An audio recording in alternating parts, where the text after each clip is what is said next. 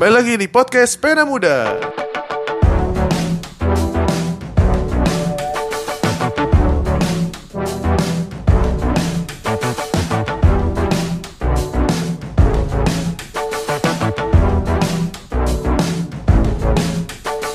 Systems of oppression fueled by Ya, di sini kembali lagi di episode 7 ya. Wih, tujuh ya. 7. Semoga jika tidak ada hal rintang. Selamat hari Minggu bagi yang mendengarkan di hari Minggu. Selamat beraktivitas bagi yang mendengarkan di hari-hari biasa. Masih bersamaku di sini Frans Otametua Siringo Ringo dan kita kembali lagi bersama Bang Yudianto Soharli. Halo, Frans. Udah seminggu gak ketemu nih. Iya. Gimana kabar Bang? Sehat? Wah, sehat Sehat, banget. Tuhan. Seminggu ini ngapain aja?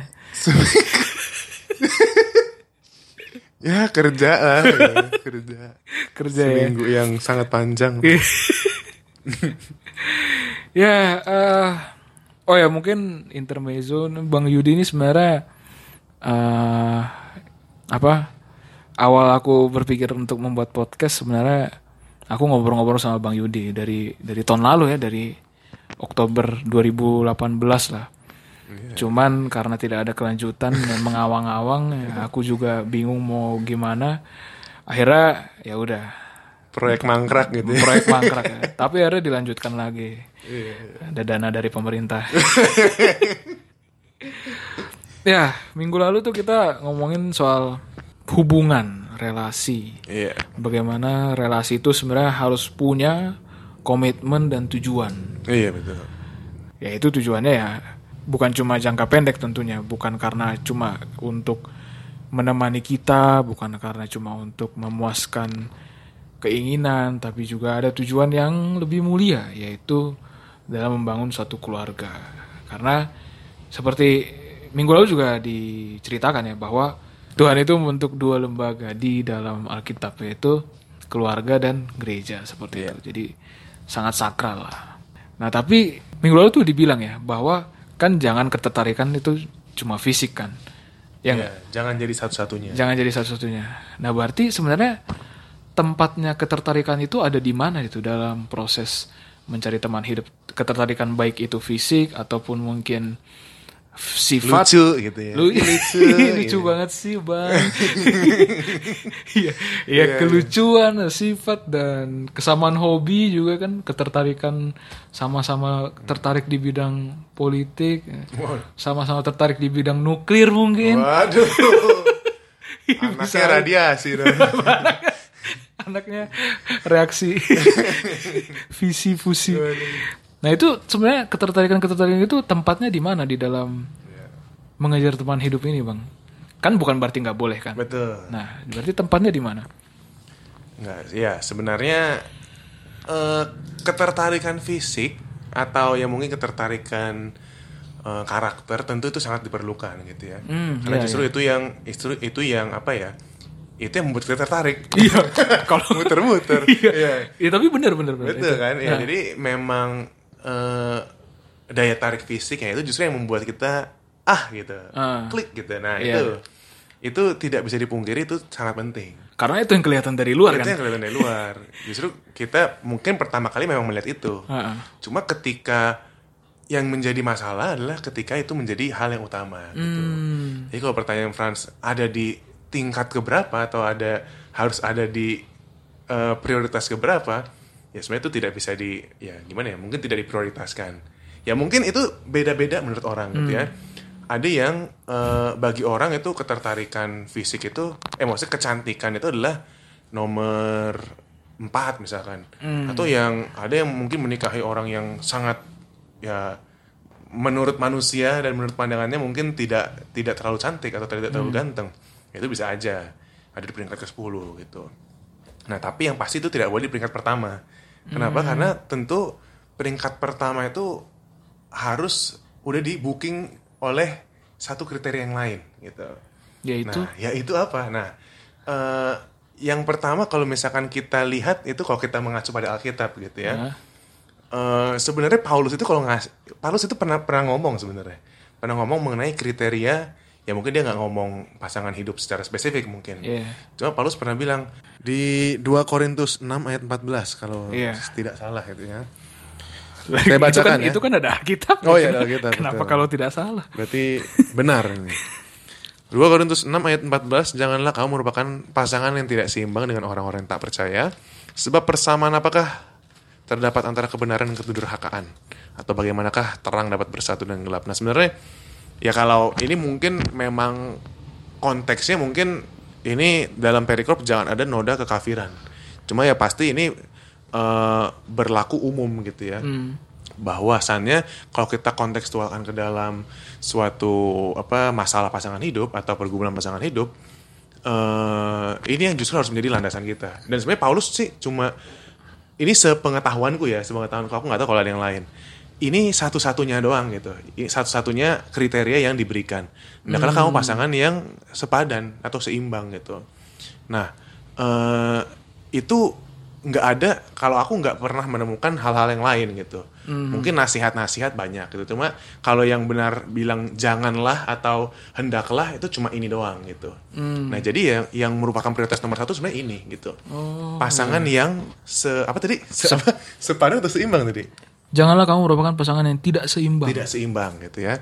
Nah ini pasti kembali multi tafsir gitu ya. Yang tidak seimbang itu apa?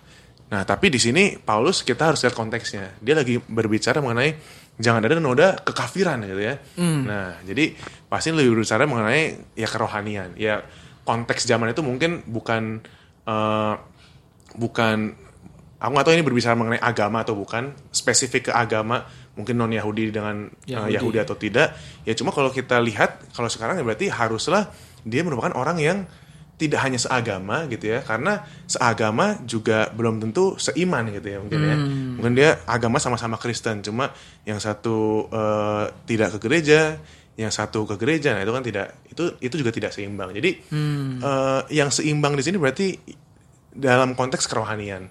Hendaklah istilahnya kerohanian kita itu seimbang gitu jadi ya orang kalau misalkan mau dibahasakan yang simple hendaklah dua-duanya itu cinta Tuhan Ya, ya. ya. Nah, di sini muncul suatu prerequisite yang baru, yaitu berarti kita sendiri pun harus cinta Tuhan terlebih dahulu, begitu. Ya, ya, ya. Jadi sebelum kita mencari pasangan yang cinta Tuhan, karena itu adalah sama-sama, begitu ya. Justru kita harus cinta Tuhan terlebih dahulu. Iya, iya, Baru setelah kita eh, apa mencintai Tuhan dengan segenap hati kita, kita benar-benar menjadikan Tuhan sebagai eh, yang utama di dalam hidup kita, barulah kita istilahnya diperbolehkan, bukan diperbolehkan sih sebetulnya, maksudnya ya istilahnya sah atau halal gitu kan. Siap lah ya. Siap, nah itu untuk memikirkan pasangan hidup. Dan pasti ketika kita sudah apa memiliki pola pikir yang benar, kita akan mencari orang-orang juga yang eh, mencintai Tuhan, seperti apa yang dikatakan Alkitab. Jadi Ya, ya. itulah prioritas nomor satu.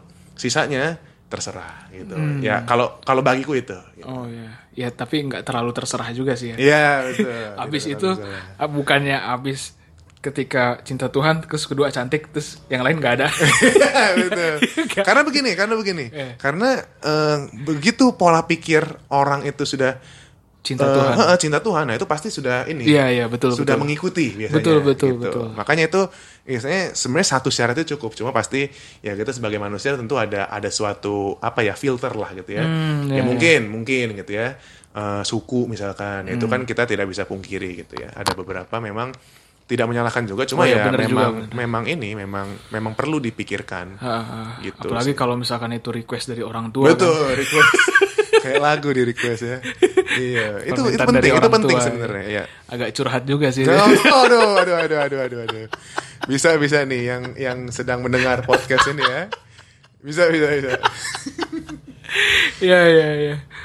Oke, jadi itu menarik tuh yang ada prerequisite baru ketika kita harus mencari yang cinta Tuhan, kita harus terlebih dahulu juga cinta Tuhan juga, begitu Betul. kan? Mungkin kalau aku juga ingin menambahkan kita mungkin harus apa ya istilahnya dipenuhi lah.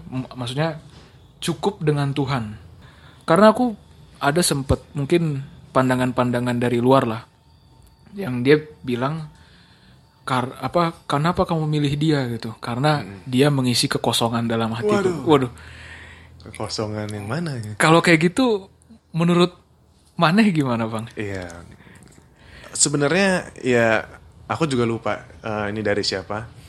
Oke, ada eh, yang bilang bahwa ada suatu ruang kosong di dalam kehidupan kita yang sebenarnya tidak bisa diisi oleh apa pun kecuali oleh Tuhan, gitu kan. iya, iya. Ya pasti teman-teman pendengar podcast Pena Muda ini juga sering mendengar. Iya. Jadi ya eh itu atau eta itu, itu, ya sebenarnya tidak tidak akan bisa gitu ya untuk mengisi kekosongan kita. Eta ini maksudnya seseorang, Seseorang, itu ya. oh ya. iya, Kita betul. belum tahu. Belum tahu siapa. Atau itu tergantung kepada seseorang, Iya. orangnya sendiri, Heeh. pendengar sekalian. Iya. Karena kalau aku sih mikirnya begini, karena kita itu eh but manusia spiritual gitu. Jadi nggak cuma kita hanya bisa dipenuhi oleh hal-hal materi gitu. Pasti ada Iya, iya. hal-hal yang eh, yang nggak mungkin bisa dipenuhi oleh hal-hal material gitu. Hal-hal yang yang istilahnya bersifat dunia begitu. Iya, iya. Karena ya ujung-ujungnya pasti istilahnya ujung-ujungnya manusia itu pasti mengecewakan gitu. Jadi pasti walaupun kita merasa saat ini puas gitu, pasti dengan suatu proses berjalannya itu kita akan berkurang gitu loh. Apa kepuasan yang kita miliki gitu. Jadi pasti ya selama-lamanya tidak akan pernah puas. Iya, gitu. iya. Jadi ya perlu ada suatu hal yang mana bersifat kekal dan eh, abadi gitu ya yang membuat kita itu terpuaskan. Ya kalau di sini berarti ya firman Tuhan itu Tuhan. Gitu. Iya. Iya, berarti mungkin kalau aku bisa menyimpulkan terlebih dahulu kita harus penuh dengan Tuhan dulu. Bukan kita mencari kepenuhan dari orang lain kan. Iya betul. Bukan kita mencari perlengkapan dari apa perlengkapan bukan bukan kita mencari orang lain untuk Iya. melengkapi diri kita kan. Betul. Nah, eh, biasa dalam proses pengejaran, pengejaran akan seseorang ini, mungkin ada orang yang merasa apa ya bahasa bahasa orang gaul bukan gaul bahasa orang-orang tuh biasanya galau mungkin. Hmm. Waduh galau kayaknya sangat sulit gitu. Waduh. dalam dalam mencari atau mungkin bahkan sebelum-sebelumnya kayak galau dalam dalam apa menentukan seorangnya siapa dan mencari sebenarnya galau itu alkitabiah nggak Waduh. Pertanyaannya Alkitabiah atau tidak ini ya? atau galau itu perasaan macam apa sih?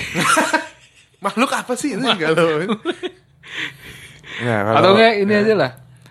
Bang Judit bang Ju Maneh tuh pernah galau nggak? Waduh, tentu pernah. tentu pernah. Gini, ini kalau bisa aku men-sharingkan itu galau itu sebenarnya ada dua jenis. oh iya? Nggak, bukan dua jenis sebenarnya. Apa ya? Dua dua dua kondisi. hmm. Ada yang galau karena eh tidak laku-laku gitu ya, bukan tidak laku-laku sih. ya. Apa ya? Ya eh, mungkin dia terus mencari gitu ya, atau mungkin dia eh, sudah menyukai seseorang gitu ya. Hah? Cuma tidak ada respon atau atau apa ya? em, bahasanya tuh ya bertepuk sebelah tangan lah gitu ya. Ah. Jadi dia dia ingin ngomong cuma malu atau Hmm. mungkin dia sudah mengutarakan cuma ya begitulah gitu ya. Tidak ada respon atau penolakan secara halus mungkin atau yang satunya lagi galau karena memang kondisi memang maksudnya kondisinya memaksa demikian. Hmm. Iya, Kenapa? iya. Karena sudah berumur misalkan gitu ya. Hmm. Sudah usia 30 tahun gitu. Cuma belum punya pasangan. Nah, mungkin itu itu kegalauan tersendiri. Iya. Cuma memang itu bukan karena muncul dari dalam, tapi muncul dari eksternal gitu ya. Iya, iya. Orang tua kapan kawin gitu. Nah, Ah. itu kan susah gitu ya. Orang belum ingin, bukan belum ingin, belum terpikir, belum ada calon tapi dipaksa orang lain gitu kan. Hmm. Nah, ya itu itu memang itu yang cukup sulit memang. Nah, tapi kalau ditanya apakah pernah galau, tentu pernah gitu ya. Nah, apakah galau itu boleh atau tidak? Nah, ini tergantung galaunya seperti apa. Hmm. Kalau galau itu kan istilahnya eh, kita terombang-ambing gitu ya. Hmm. Seperti kapal yang eh, tidak punya tidak tahu ke mana tujuannya gitu kan, dan dia mengikuti ke mana pun arus ombak itu pergi. Ya mungkin kalau dianalogikan galau seperti itu. Nah, eh, berarti orang yang galau itu mungkin, ini makanya ini tergantung kondisi tadi ya. Mungkin orang itu tidak punya kemudinya itu, jadi dia tidak tahu mau ke mana ya udah terserahlah aku diombang-ambingan ke mana. Nah itu yang tidak boleh gitu Iya, kan. iya. Galau yang seperti itu tidak boleh karena dia membiarkan dirinya sendiri diombang-ambing oleh terperas oleh perasaan dan akhirnya larut gitu ya. Dan akhirnya tenggelam. Wah. Tenggelam Hmm. Iya. dan akhirnya dia eh, terhanyut ke dalam perasaan itu. Hmm, ya, Dan dia akhirnya mungkin nanti ujungnya galau yang seperti itu adalah mungkin depresi, mungkin eh, kehilangan percaya diri, Penolakan penuh- diri. penolakan diri betul. Aduh dia merasa, aduh kenapa aku sangat eh, tidak diinginkan di sini, sangat ini apa namanya tidak laku-laku. Nah itu itu yang itu yang tidak baik sebenarnya. Tapi ya galau yang baik, mau galau yang baik enggak? Mungkin eh, ya konotasinya mungkin galau negatif gitu ya. Cuma Iya. maksudnya kalau untuk mempertimbangkan atau mungkin eh, merenungkan itu itu Mengatasi galau. galau mungkin ya. Ah, tapi maksudnya me- apa namanya? Galau yang baik adalah ketika kita masih punya kendali itu, kemudinya gitu. Ah, iya, Jadi walaupun ada ombang-ambing gitu ya, mungkin eh, kita perasaan kita mungkin gundah gitu ya, gundah gulana, tapi kita tetap punya kendali gitu. Kita eh, mau bangkit gitu. Kita Iya. tetap melawan ombak itu, kita tetap eh, ya pokoknya kita nggak membiarkan diri kita tuh terhanyut ke dalam eh, gelombang itu gitu Hmm, ya ya. ya ini istilahnya lah gitu Iya. ya. Jadi ketika galau itu ya harusnya itu proses. Galau itu ya jangan dijadikan suatu eh, ini apa namanya sindrom gitu ya, tapi dijadikan sebagai suatu proses di mana pro- dalam proses itu kita bertumbuh gitu loh. Ya ya. Karena galau itu kan menurut ini kalau pengalaman pribadi ya, karena waktu galau itu itu eh, sangat apa ya? Sangat sangat ingin goler-goler gitu ya dan memikirkan berkontemplasi gitu. Jadi ya saya perasaan itu sangat sangat rentan gitu. Nah, tapi justru di dalam kegalauan inilah proses di mana kita bisa bertumbuh gitu. Ujung-ujungnya apa menurutku tujuan akhirnya adalah ini. Ya, ya. Di mana eh, kita itu semakin mengenal Tuhan dan semakin dibentuk karakternya. Betul, betul. Salah satunya melalui kegalauan ini. Ah. Nah, ini akan teruji apakah di dalam kegalauan ini kita mencari Tuhan gitu loh. Kan kalau galau kepada Tuhan boleh dong gitu ya. Iya iya. Kayak tapi Bukan mungkin bahasanya bukan galau bahasanya ya. aneh. Iya, galau kepada Tuhan aneh ya. Cuma mungkin lebih ke kontemplasi, itu kan bahasa lainnya galau. Sebenarnya galau itu bergumul nggak sih? Iya. Itu nah itu sebenarnya bahasa ini Bahasa rohaninya bahasa, bergumul. Iya. Cinta Bahasa bahasa, roh- rohaninya kasih. Iya. Galau bahasa rohaninya bergumul. bergumul betul jadi ya kalau misalkan eh, galau itu kita istilahnya bertanya pada Tuhan gitu ya kita eh, merenungkan kita berpikir baik-baik terus kita bertanya Tuhan maunya apa nah, justru itu baik gitu kan itu Hmm, baik ya, justru ya. di dalam proses ya galau yang kita sebut galau itu Hmm. cuma mungkin bahasanya bukan galau karena galau itu konotasinya sudah negatif bukan negatif Iya. Eh, kurang baik gitu ya. sama aja iya jadi eh, ketika kita galau gitu ya ya yang paling baik adalah kita itu tanya pada Tuhan Tuhan maunya apa? Iya iya. Gitu, Tuhan maunya apa? Aku dalam pasangan hidup. Eh, ya mungkin kalau sudah spesifik ke satu nama apakah memang dia orang yang tepat? Ataukah memang Tuhan izinkan aku untuk eh, bersama dengan dia? Dan kalaupun tidak eh, Tuhan tolong tunjukkan jalan yang lain. Tolong bentuk aku. Nah itu Iya, iya. menurutku itu galau yang yang yang tepat gitu. Hmm, iya, iya. jadi bukan maunya kita kita paksakan gitu kan itu kan galau gitu kan terombang ambing tapi ya kita eh, menyerahkan kapal itu kepada Tuhan gitu ya Iya, iya. kapal itu kepada Tuhan biar Tuhan yang mengemudikan ya ombak mungkin ada gitu tapi Tuhan yang sudah mengemudikan Iya, Tuhan yang iya. sudah tahu tujuannya ini loh aku ingin membawa kamu ke sini gitu Iya, menurutku iya. seperti itu Frans Iya sih, bener. Kenapa aku nanya ini? Karena dalam hal mencari seorang pasangan hidup ini sangat rentan ya orang-orang itu untuk Iya. bergalau-galau kan. Dan anehnya dan lucunya bahkan ada orang yang malah menikmati pergalauan itu. Jadi waduh. dalam pergalauan itu kayak udah galau-galau terus akhirnya dia nyetel lagu-lagu galau. mendramatisir ada orang waduh nyet- ini lagunya gue banget nih malah tambah galau kan. Iya, betul, itu udah kayak lu dengkul korengan lu tetes lu tetesin cuka. Betul iya, iya, iya. udah sakit ditambahin sakit tapi dia menikmati kan. menikmati. serem juga kan yang namanya galau. Karena ya udah ya kayak yang bang Yudi bilang tadi ketika kita galau justru itu eh kita alihkan itu menjadi suatu ya bahasa rohannya pergumulan ya itu Iya. kita gumulkan bersama-sama dengan Tuhan gitu. Mungkin ya dalam segala keraguan-raguan itu ya kepada Tuhan lah kita apa kepada Tuhan lah kita akhirnya berdoa kan mendoakan itu semua. Iya. Karena Yesus pun juga pernah galau sih. Nah, iya betul betul betul. Seperti waktu di Taman Getsemani Iya. kan. Taman Getsemani. Sebenarnya kan Yesus kan udah tahu kan dia bakal disalib Betul. kan. Tapi tetap aja yang namanya Yesus kan punya sisi kemanusiaannya juga kan.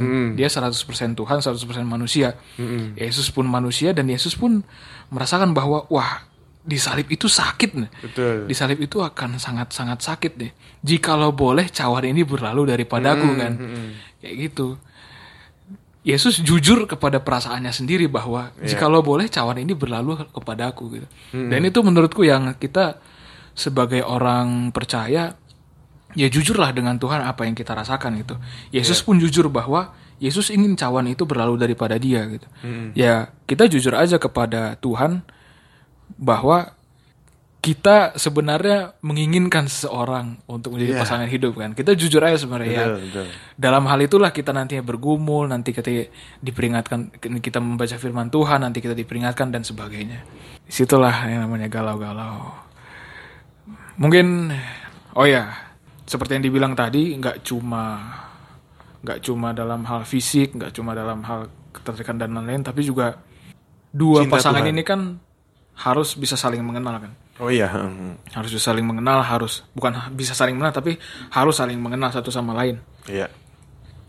nah proses perkenalan ini sebenarnya kita yang menciptakan atau kita yang mengusahakan atau sebenarnya kita menunggu proses-proses ini seperti itu Wah ini momen untuk berkenalan itu diciptakan atau kita menciptakan? iya gitu ya? betul sekali Waduh, ini pertanyaan yang sulit ini. waduh Tergantung kondisinya sebenarnya kan. Karena memang ada yang kondisinya kita sudah saling mengenal gitu kan.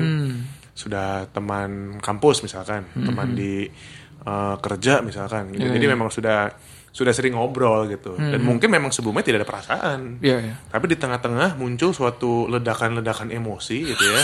Percikan-percikan api. Nah, itu bahaya. percikan Bukan percikan api Nah, itu kan s- bisa sudah mengenal itu kan, kan sudah mengenal berarti kan. Tinggal memperdalam. Cuma ada yang memang kondisinya eh, pandangan pertama gitu ya. Memang baru baru bertemu di eh, tempat apa misalkan. bukan tempat dugem ya Bukan, jangan, jangan. Eh, tapi kalau pertanyaannya momen itu diciptakan atau kita menciptakan sendiri, ya sebenarnya itu berjalan simultan gitu ya. Itu berjalan bebarengan. Jadi ya pasti Tuhan itu sudah punya suatu apa ya bahasanya tuh kairos gitu ya.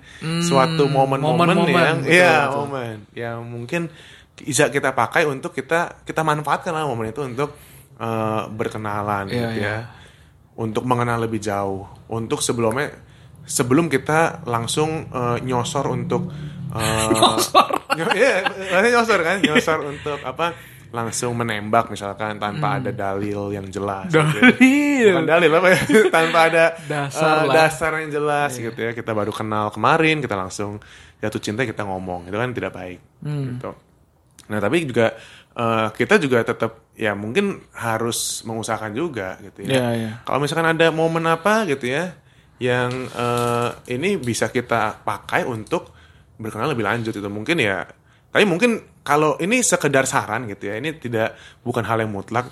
Itu kalau untuk PDKT hindari berduaan gitu. Karena bukan masalah apa sih ya ini ini teknis aja sih. Maksudnya takutnya justru momen itu itu membuat baper gitu lah. Karena ketika berduaan gitu ya mungkin ada satu pihak yang wih dia mau nih ngobrol sama gua gitu. Dia iya. mau nih gua ajak ngopi gua ajak makan gitu. Jangan-jangan dia suka. Nah itu kan Iya. itu menciptakan hal yang kurang ini ya. Iya. ya sebenarnya nggak apa-apa sih cuma ya ini aja lah. Nggak murni aja gitu. Jadi Oh. ada ada yang ini aja apa mungkin banyak noise noise nya gitu lah tapi ketika kita mengenalnya lewat eh, apa namanya ya lewat perkumpulan gitu ya. Kita lagi memang ada ya kerja bareng kita ngobrol gitu kita persekutuan kita ini ya itu akan sangat baik. Nah maka itu eh, kenapa memang sangat disarankan ini bukan harus lagi lagi-lagi sangat disarankan untuk mencari dari misalkan yang sudah kita kenal di persekutuan begitu Bung Frans. iya, iya. Jadi bisa Kok lah. Franz? ya kan siapa tahu kan, siapa iya. tahu juga besar. Iya. Gitu makanya. Jadi ya kalau bisa memang di tempat persekutuan itu sangat lebih baik karena Hmm. kita udah kriteria pertama tuh sudah kemungkinan besar tuh ada gitu loh. Sama-sama cinta Tuhan. gitu. Ah, Jadi iya, iya. istilahnya akan sangat lebih enak gitu dan ya kalau kita berbicara probabilitas ya itu akan lebih lebih tinggi probabilitasnya walaupun Oh. walaupun cinta tidak mengenal probabilitas. Highlight, cinta tidak mengenal probabilitas. iya, gitulah kira-kira. Hmm, menarik nih. Kenapa aku nanya gini? Karena kalau kita melihat di Alkitab itu banyaklah eh, banyak eh, jenis-jenis bagaimana pasangan itu dipertemukan. Oh iya, betul. Karena kan kalau misalkan kita lihat Adam misalkan, nih dulu aku sangat memegang prinsip teman hidup seperti Adam nih. Tuhan yang mempertemukan. Wah, dulu kan. Iya. Ketika Diciptakan dari tulang rusuk. Ah iya, karena aku melihat filosofinya dari sana. Tapi ya bukan semata-mata Tuhan yang mempertemukan sih, tapi eh, karena aku tadinya melihat Adam itu sebagai sosok yang di mana dia itu kan sebelum jatuh dalam dosa kan, berarti sebenarnya itu yang kita kejar seharusnya kalau menurutku sih, ketika kondisi Iya. belum jatuh dalam dosa. Jadi di mana Adam itu sudah diberikan tugas oleh Allah, sedang sibuk mengerjakan tugas, sedang sibuk mengerjakan tugas yang diberikan oleh Allah, dan di tengah-tengah kesibukannya itu, ya dia juga menyadari bahwa ketika kita- dia melihat sekelilingnya, dia tidak menemukan sepad yang sepadan dengan dia waktu dia menamakan hewan kan. Nah di tengah-tengah kesibukan itulah dia akhirnya diberikan oleh Tuhan. Aku tadinya tadinya berpikir seperti itu bahwa ya udah kita sibuk apa berusaha aja untuk mencari apa yang Tuhan ingin kita kerjakan. Lalu di tengah-tengah itu ya Tuhan yang akan memberikan. Betul.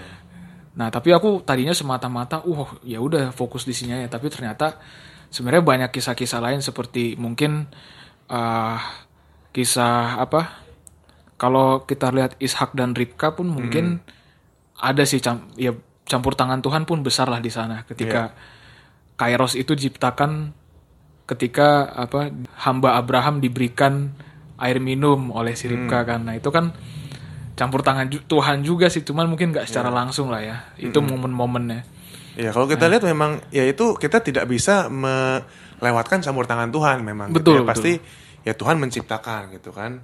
Eh, dan Tuhan eh, yang menyediakan memang gitu. Tapi kita tidak boleh lupa ada menghampiri Hawa gitu ya. Alkitab Alkitab mencatat itu gitu kan. Iya, iya, iya. Nah, andai kata gitu ya, kita berandai-andai aja nih. Kalau Alkitab ditulis gitu ya, eh eh, Ha- Ha- Hawa itu diciptakan, tapi Adam pergi gitu ya. Adam tidak tidak mau menghampiri Hawa gitu. Ya, selamanya tidak akan menikah gitu. Malah mungkin. dia menamai Hawa ya. Iya, Men- dikira hewan-hewan juga. Iya, betul kan. Nah, tetap ada usaha gitu Iya, ya. Kalau iya. mau kita ini kan seperti itu lah. Hmm, ya, ya. betul, betul. Perihal ini dalam hal mengejar kan, mengejar seseorang, mungkin kan kalau dalam konsep yang ya mungkin kita sering ngobrol lah ya, dalam hal mengejar TH itu ya kita perkenalan, kita mendalami, kita bergumul dengan Tuhan sampai akhirnya nanti kita mengajak untuk bersama-sama mendoakan Ya. bersama-sama mengambil komitmen untuk berdoa apakah akan uh, bersedia untuk untuk apa istilahnya Untuk mengenal lebih lanjut lah. mengenal lebih lanjut dalam ya. masa pacaran. Ya itu itu cuma inilah proses yang ya dinamain pacaran gitu lah. Iya iya. Karena kita bingung menamai apa. Iya, yang rohaninya apa. Mengenal ya sebelumnya mengenal. Iya. Nah, ke tahap pacaran itulah. Sebenarnya apa sih indikatornya mungkin ya? Seseorang itu setelah mengenal lebih lanjut apa sih indikatornya eh, yang membuat dia tahu bahwa oh ya udah aku harus mengajak dia mendoakan atau bahkan atau mungkin sebaliknya. Mungkin aku akhiri, akhiri sampai di sini saja. Waduh. Proses perkenalan ini ya mungkin dia tidak sevisi denganku mungkin. Apa sih indikatornya? Indikator? Waduh ini sebenarnya nggak ada indikator yang baku gitu ya. Ini lagi-lagi sebenarnya tergantung ini sih. Maksudnya di dalam sebenarnya bagiku ya bagiku sebenarnya jauh lebih penting daripada hasil ya atau tidaknya seseorang ditolak atau diterima. Yang paling penting itu sebenarnya prosesnya tadi. Makanya kenapa di sini aku tuh sangat menekankan tuh proses gitu ya. Ya, ya. proses di dalam suatu hubungan bahkan belum jauh sebelum hubungan gitu. Di dalam proses mendoakan proses bergumul tadi proses galau tadi justru itu yang harusnya eh, kita mendapatkan sesuatu dari situ gitu loh ketika kita bergumul gitu ya nah itu harusnya yang penting itu bukan jawaban iya atau tidak sebenarnya kalau bagiku ya Dan ini pengalamanku jangan sampai patokannya oh kita berorientasi pada jawaban iya atau tidak Ya. tapi di dalam proses itu karena justru pembentukan itu ada di dalam proses itu gitu loh. Ketika kita galau, kita bertanya pada Tuhan, kita menangis, kita berdoa pada Tuhan gitu. Kita benar-benar menyerahkan, kita diajarkan untuk benar-benar berserah penuh pada Tuhan gitu. Bahkan sampai, oh Tuhan aku nggak tahu dia bakal nolak atau enggak, dia bakal terima atau enggak. Eh, aku nggak tahu aku akan sehancur apa, waduh ya. Tapi ya kita di dalam itulah kita berserah sama Tuhan gitu. Jadi ya jawab terus kalau ditanya kriteria apa sih kita harus maju atau tidak? Tadi yang pertama itu ya. Jadi sebelum kita ngomong kriteria harus prosesnya itu justru yang di, harus di highlight di mana itu yang menjadi proses pembentukan kita gitu. Nah, terus eh, yang kedua gitu ya, eh, kriterianya seperti apa? Yang tadi tidak ada kriteria yang baku. Cuma ya itu ya hikmat kita lah gitu. Ya. Ini sebenarnya ya kalau aku sebutkan ini sebenarnya langkah iman gitu ya.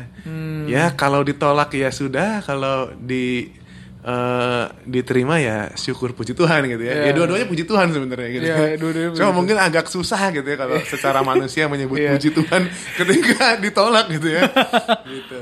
Aduh. Tapi ya eh, itulah tergantung itu eh, hikmat kita masing-masing lah hikmat yang diberikan Tuhan gitu ya. Iya. Kapan kita harus maju atau tidak ya mungkin terkesan normatif gitu ya. Aduh ya tergantung hikmat masing-masing lah.